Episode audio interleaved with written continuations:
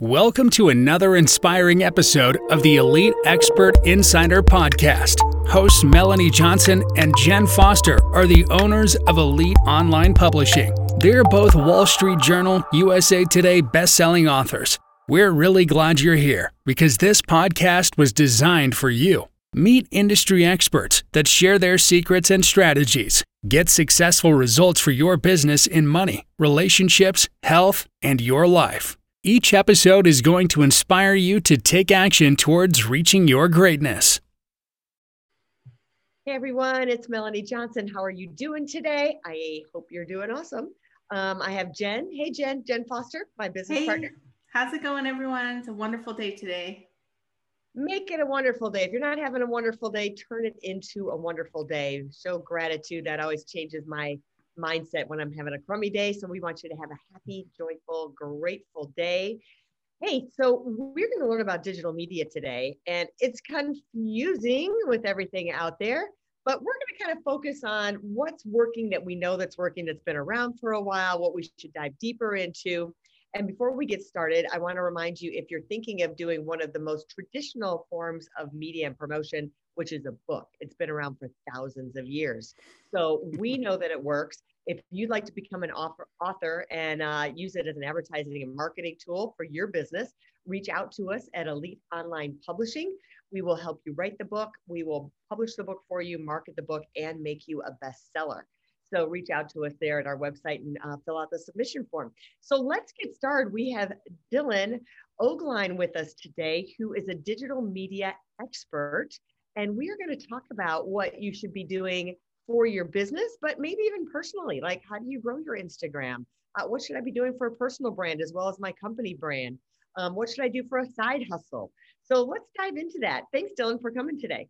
Thanks for having me. I'm glad to be here. Tell us, Dylan, how you got into this industry and how you kind of all started. Uh, sure. So, uh, uh, my I started my first business when I was 14.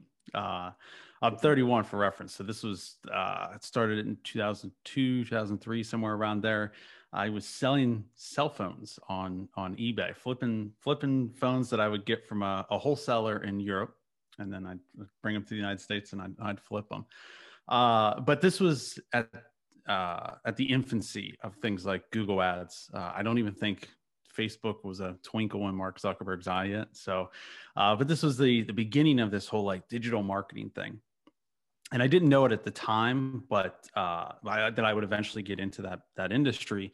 But I began to play around with it. I began to do like my first Google ads when I was 14, 15 years old and paying like five cents a click and just ridiculous. It was the Wild West back then. And uh, so started doing that. Eventually, the cell phone business got shut down because my merchant account provider found out that I was not 18 or older. Uh, you have to can't give uh, merchant accounts to uh, to teenagers, I guess. So that got shut down. Uh, but I learned uh, web design. I learned a little bit of graphics design. So I transitioned to spending 12 years bouncing around between different businesses, but always kind of having like agency work that I was doing to kind of pay the bills. And got absolutely nowhere for many years. Eventually, it would have been 2016, end of 2016, beginning of 2017, reached a tipping point, scrapped everything, and just focused on digital marketing services for my clients, mm-hmm. uh, and quickly scaled things up from there. And and that's uh, that's what I've been focusing on since then. Great. So, what do you think is working right now in the digital marketing space? What should people be focusing on, and how do they decide what to focus on? There's three di- very different questions there. What's working is everything. Uh, we were talking pre-show, obviously, about like TikTok and Snapchat and uh, uh, what's the one for for people just talking? Uh, totally Clubhouse. Clubhouse. I am sure that people are making money off of that, and they're doing some kind of marketing on that. But what should they focus on? I really advocate on focusing on things that are tried and true, things that have been around for years uh, the truth is the people who you know like say clubhouse or snapchat ads or doing things like that they just so happen to try it if they're having success now they just so happen to try it and they hit a home run their first at bat which can happen mm-hmm. and people are and you know they get excited about these early returns and like I can get into it, knock it out of the park, and it's great and everything, but it's kind of just luck. Mm-hmm. Whereas with things like Facebook ads, like Facebook itself has been around for years. People have been learning Facebook ads for years. So now everybody can get really, really good at it. And uh, you can just continue to practice and practice and practice until you get good at it. So, what should people focus on? If you're talking about digital marketing, I'm a huge advocate of tried and true methods YouTube, Google, Facebook ads, things like that. What was the third question? What was the third element? that was all right. I think you covered everything, like what they okay. should be doing and what they should be focusing on. Yeah. Yes. Well, let's t- talk a little bit about some of those because I know, you know, some people are a little bit scared of ads or scared of Facebook ads because they're like, oh, you know, I've tr- I tried it, I boosted a post and I didn't get any return, or I spent a thousand dollars and I only sold a thousand dollars, so I broke even or whatever. So tell us a little bit about you know how they can utilize facebook ads and and how they can do it right. And do they need an expert like you to help them? Like how does that work? A couple different questions there. No no that's all right.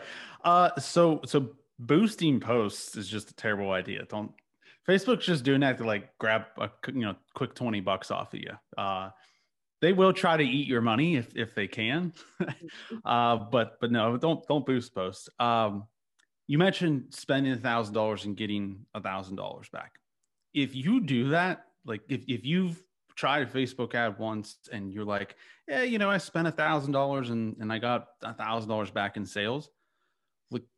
You just you have a printing press in front of you. Like I like to, I mean, we're I I consider us really really good at what we do. Really really good at Facebook ads.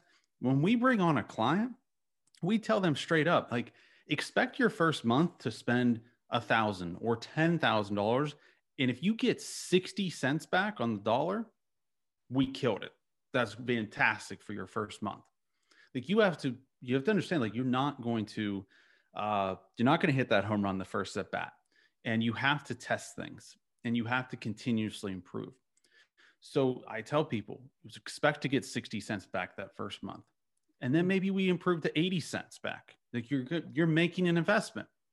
We continue to test. We continue to figure out what ads work, what ad copy works, what pictures work, landing pages, and things like that. Like you continuously iterate. Once you get to a dollar 10 back or a dollar 20 back, like you, you just scale it up and you literally can print money. Uh, and then again, you continue to improve and you continue to improve, and then you might get $3 back for every dollar you spend, but you don't start there. You start by being really terrible. It's like the first time you rode a bike. you remember how you were really good at it the first time? Well, of course not. You were terrible. You fell. It's exact same thing with Facebook ads. So you just have to continue to reiterate. Uh, do you need an expert? Well, that's that's up to you. mm-hmm. uh, I hire an accountant because I don't want to take the time to learn it, and they're better at it. They're more efficient at it than me if you're a, a, a DI, you know, do it yourselfer and you want to do everything yourself and you want to figure it out, then yeah, go down that route. If you want to mm-hmm. fast track, then yeah, work with an agency and work with an expert who can who can help you along much much faster than what you could. I think that's good advice about the Facebook ads. I think even when we've tried and we've been so discouraged and we just run them for a week or two weeks and we're like, oh, this isn't working and we're just yeah. throwing money away. We're just, you know, you feel like it's never going to work. So you're just throwing it away.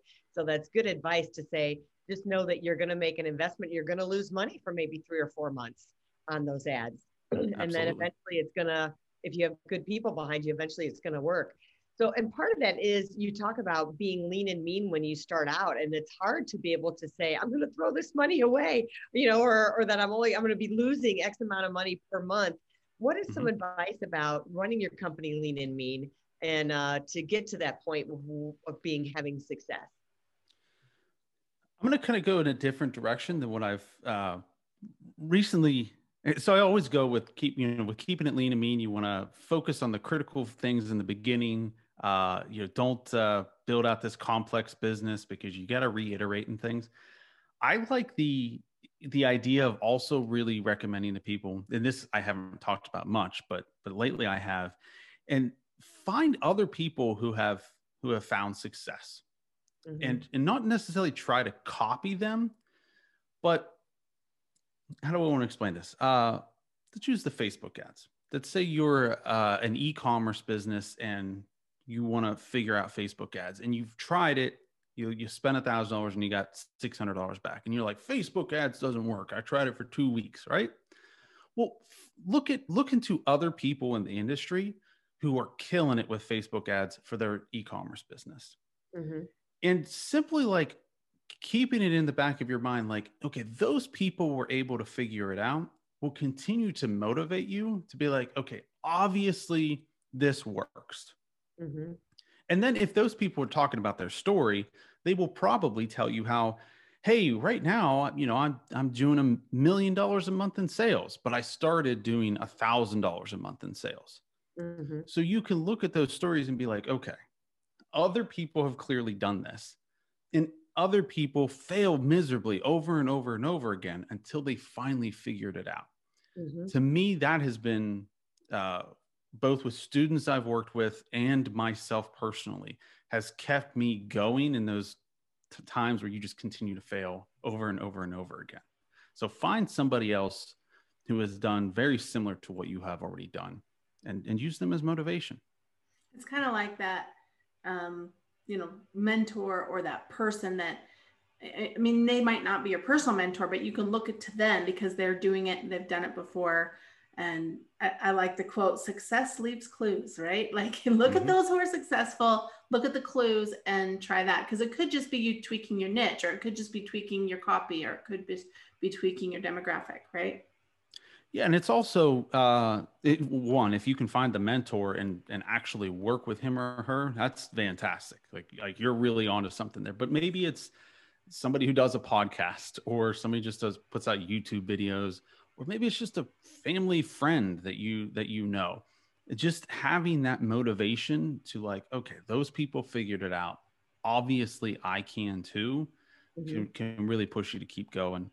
Uh, and especially if you can f- find out and hear about how they continuously failed in the beginning uh, because very very few people hit a home run their first at bat. Whether we're talking about marketing or publishing a book or starting a podcast most people were absolutely terrible in the beginning. Mm-hmm. So keep it keep it simple and then just continue. Just keep pushing on. I love that you say building a, um, a sh- like to build your company, you need to show your value and stop hiding behind low prices. Explain what you mean by that. So this is mostly, I guess it could go for uh, product-based businesses. I was going to say it's mostly for service-based businesses, but uh, a lot of people when they're starting, especially first time entrepreneurs and things like that, they end up the they end up convinced that well if i'm just the low cost provider everybody will want to come to me right mm-hmm. that's a race to the bottom and nobody makes money being the low cost provider uh, and then it also and this is something i figured out working with with students in in my industry is then you also end up providing a low quality service and you get discouraged because I'm just not providing the kind of service that I know I could provide. But you're not really motivated to because you undercut your price to get customers in the beginning, which again mm-hmm. doesn't work. It's a race to the bottom. So, uh, you know, if most people, when they're getting into whether it's a product business or a service business, they have this idea of, I could do it better than other people. Mm-hmm. Nobody gets into a business and says, hmm, my opportunity here is I can do it cheaper than everybody else. Mm-hmm. Most everybody is I can do it better or different than everybody else out there in the, in the marketplace. And then they convince themselves that the way to differentiate themselves and to get customers is to be the low cost provider. Don't mm-hmm. do that. Be uh, be the high quality solution or the different solution. Uh, whether it's a product or a service, be very high quality and charge a premium price. Uh, there's, I could do an hour long show on all the benefits of this, but just trust me. Be the the high, the very high quality uh, product or, or service provider that you know you can be, and charge a premium price for that. I really like that because I've I've talked to a few of my entrepreneur friends, and they have this great service they provide, and they have a unique way of doing it and providing it but then they undercut themselves by saying, "Oh, I'm just going to run a few Groupons for a couple months, or I'm just going to mm-hmm. give," where they're really just giving away their service for free. And it does bring people into the door, and maybe some of those will sign up for the next package. But why not offer the full price and then get them into their next pra- the next um, you know tier up? So yeah, I absolutely, really like absolutely. You can. This is also important for like service providers. You can end up in what I call a price trap situation Mm-hmm. So most of that that idea of doing low or low priced work is well then I'll I'll get referrals and stuff. I'll do great work and then I'll get referrals because everybody's gonna be like, oh, this is great work. They, uh, they, they you know look at look at John. He built me a great website. Look, and he'll tell all of his friends. Or look at uh, photographers do this all the time. Oh, you know, look at all these great pictures. So you will get referrals if you do great work. But if somebody sees a product or service, the first question they ask is who did that for you or where did you get that product or service from? And the second question is always what did they charge you? Mm-hmm. So if you're building websites for somebody and you want to charge $2,000, but in the beginning you're like, I'll do it for $500 to get some referrals. Those referrals are coming in with the mindset of, hey, John's website looks great and he paid $500. I'm going to get a great website for $500. Well, then if you look at that person, you say, well, it's $2,000. Automatically, that's a massive issue. Like, why do I have to pay more? Mm-hmm. So, in the beginning, it's tempting, but don't undercut yourself. Don't get into a price trap situation. It's a huge mistake. That makes a bunch of sense. And um, you talk about narrowing your focus.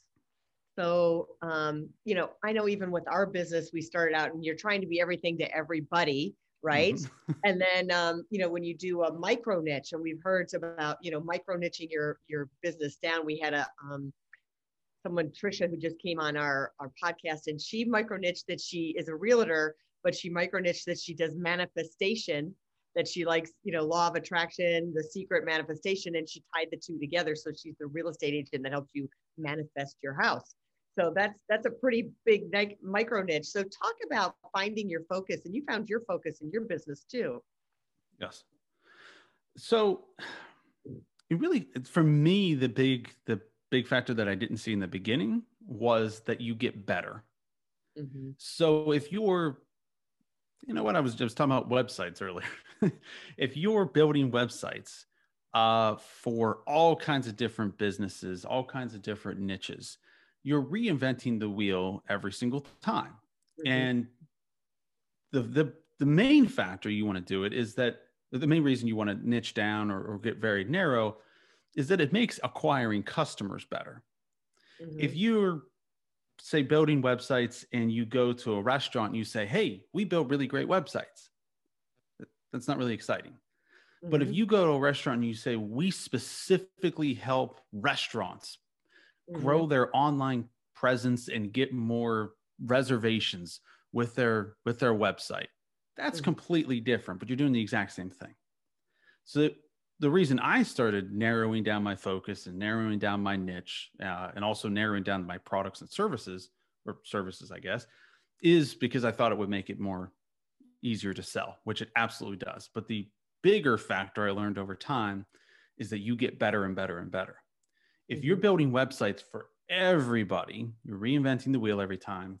Uh, mm-hmm. You never really get good at one sp- specific thing. But if you're only building websites for restaurants, mm-hmm. very quickly you can become one of the best people in the world at that particular niche. Mm-hmm. Uh, and that differentiates yourself, makes you be able to communicate better with the, the potential clients you provide a higher quality service you're able to charge more you become wanted more uh, you know people will be waiting in line for you. You want to be the very best. And the more narrow you can get the better. Mm-hmm. i love that, that. i love that focus energy right on that one specific niche because that gets you like you said gets you better and better and better. Absolutely. Right. well tell us where we can find you dylan Uh, you can, uh, my agency website is oglinedigital.com. Uh, and then my personal website is dylanogline.com. And uh, I'm on the Facebooks and the, the Instagrams and the LinkedIn's at Dylan Ogline. Pretty simple. Awesome. We'll put those up in the show notes. And for those watching on YouTube, it'll be in the comments there. Terrific. Well, thanks for coming by today. We hope you enjoyed the show and uh, got some good takeaways. So um, we'll see you next time. And remember, if you're looking to publish a book, we help you write, publish, and market your book and make you a number one bestseller. Just look us up at eliteonlinepublishing.com. We'll see you next time. Thanks. Bye. Hey, are you looking to increase your revenue, build credibility, and elevate your brand? This podcast is brought to you by Elite Online Publishing, an innovative publishing and full spectrum marketing company. They will publish and market your book to make it a number one bestseller. Becoming an author is the best way to market your business. So contact them at eliteonlinepublishing.com today. All of their authors become number one bestsellers.